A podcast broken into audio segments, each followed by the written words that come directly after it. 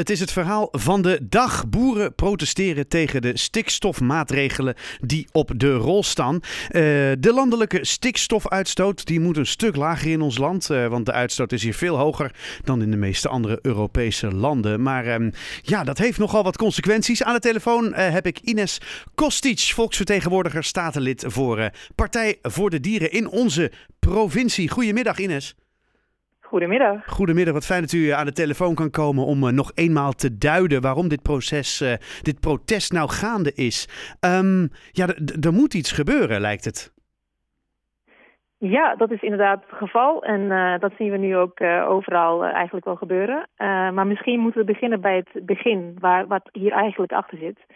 En dan moeten we echt heel lang teruggaan, namelijk ergens tot in de jaren 2008 toen de rechter al zei van nou, stikstofprobleem, dat is een probleem voor ons allemaal. Ja. Dat is een probleem voor de natuur en uiteindelijk ook voor ons, onze voedselvoorziening, ons uh, bestaan. Mm-hmm. En dat moeten we aanpakken.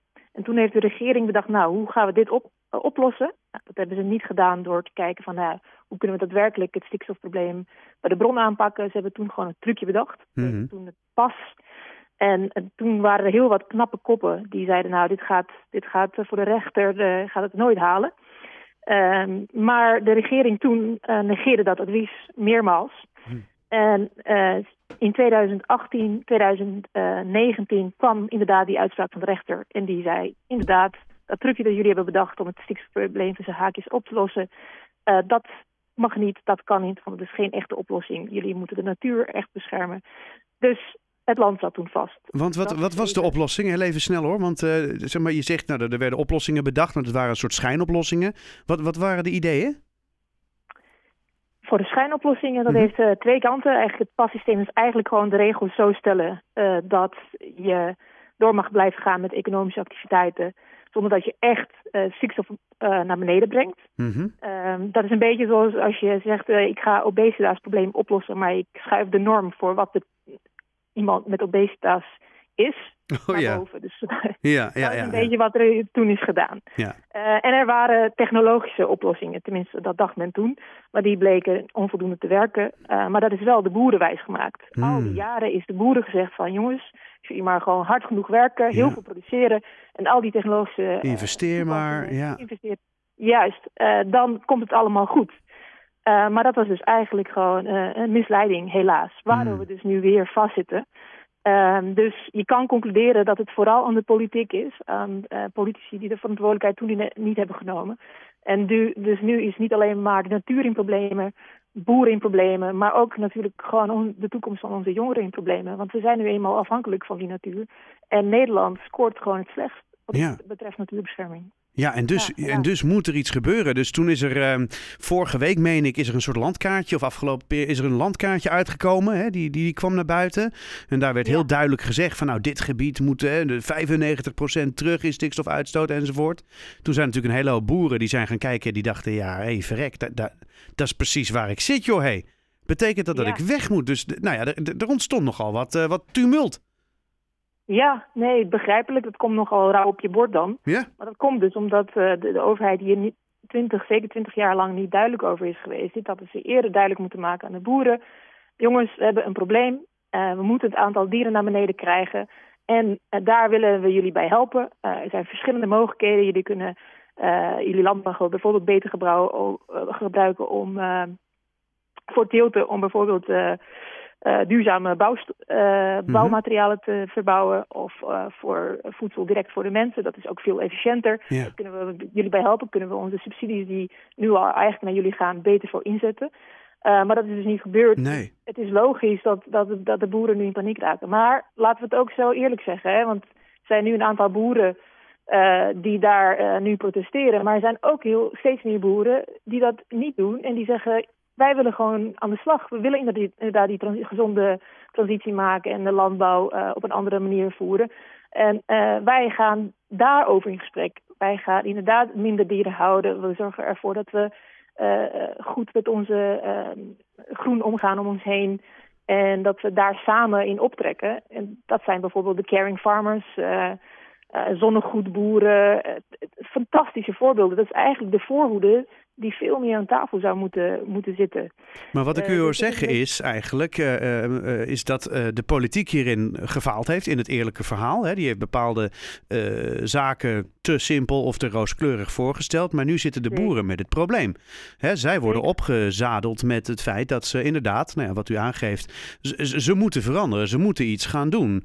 Um, vaak hebben we met boeren niet alleen te maken met een stukje onderneming, maar die mensen die wonen daar ook. Dat is hun, hè, hun familie, hun leven, hun, kinderen moeten dat gaan doen. En wat ik ook begrijp is dat uh, het Rijk nou niet echt voornemens is om daar dan mooie plannen voor te, uh, te smeden. Van nou goed, dan gaan we jullie compenseren. Um, het Rijk heeft zeker wel uh, compensatiemaatregelen al in het verleden uh, ingesteld. Allemaal op vrijwilligersbasis, dus dat de boeren zich konden melden als ze konden stoppen. Mm -hmm. uh, dus daarin heeft het Rijk wel stappen gezet. En oh, die dat is mooi. ongetwijfeld nog blijven zetten.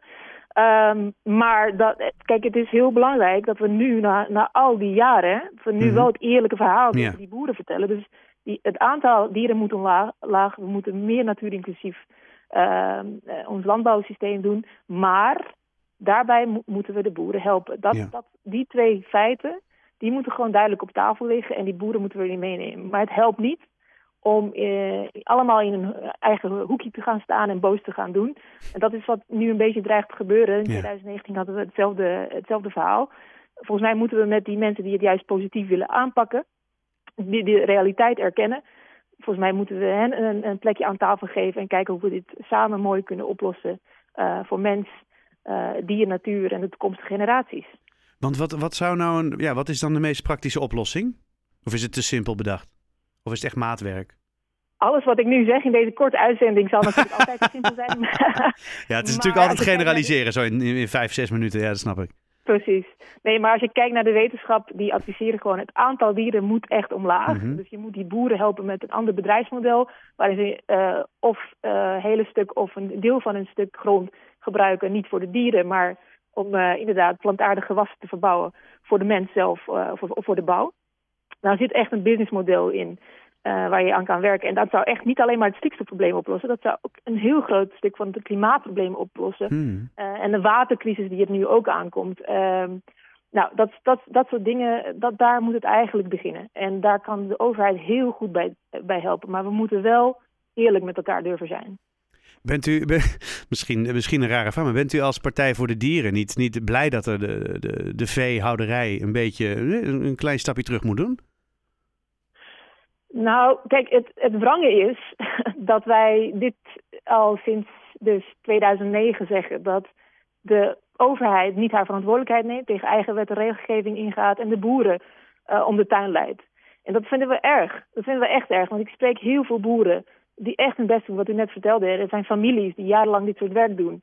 En die horen gewoon niet het eerlijke verhaal. Nee. Wat wij willen is die boeren echt een toeko toekomst gunnen. Zodat ze niet de hele tijd met al die bureaucratische regels te maken hoeven te hebben. Maar dat ze echt naar een gezond systeem gaan waarbij die regels ook niet eens toegepast hoeven te worden. En uh, waarbij ook hun uh, kinderen en kleinkinderen straks een leefbare aarde hebben. Volgens mij is dat het uitgangspunt. Dat is ook waar de Partij voor de Dieren voor staat. Als je kijkt naar de afgelopen 50 jaar, dan is 80, 90 procent van de tijd heeft de CDA de landbouwminister geleverd. Nou ja. Dan, ja, de boze boeren die boos zijn op de Partij voor de Dieren, dat is dan een beetje onterecht. Want dan moet je vooral kijken bij het CDA, die daar uh, ja, een belangrijke positie in heeft gespeeld al die jaren. En nou, daarom staan we hier waar we zijn, helaas. Nou. Maar we kunnen samen beter. We kunnen samen beter. Nou, ja, ik denk ook dat het, uh, dat het uiteindelijk samen zal moeten. Dus niet inderdaad wat u zegt. Hè? Ieder in zijn eigen hoekje een beetje boos wezen en met dingen gaan gooien. Maar gewoon met elkaar om tafel zitten om te kijken hoe we dit probleem met elkaar uh, kunnen gaan fixen. Precies. Daar komt het op neer. Uh, Ines Kostic, statenlid voor de Partij van de Dieren in onze provincie. Dank u wel voor deze toelichting. En nou ja, heel veel wijsheid met het meedenken over deze, deze crisis. Dank u wel. All right. Fijne avond.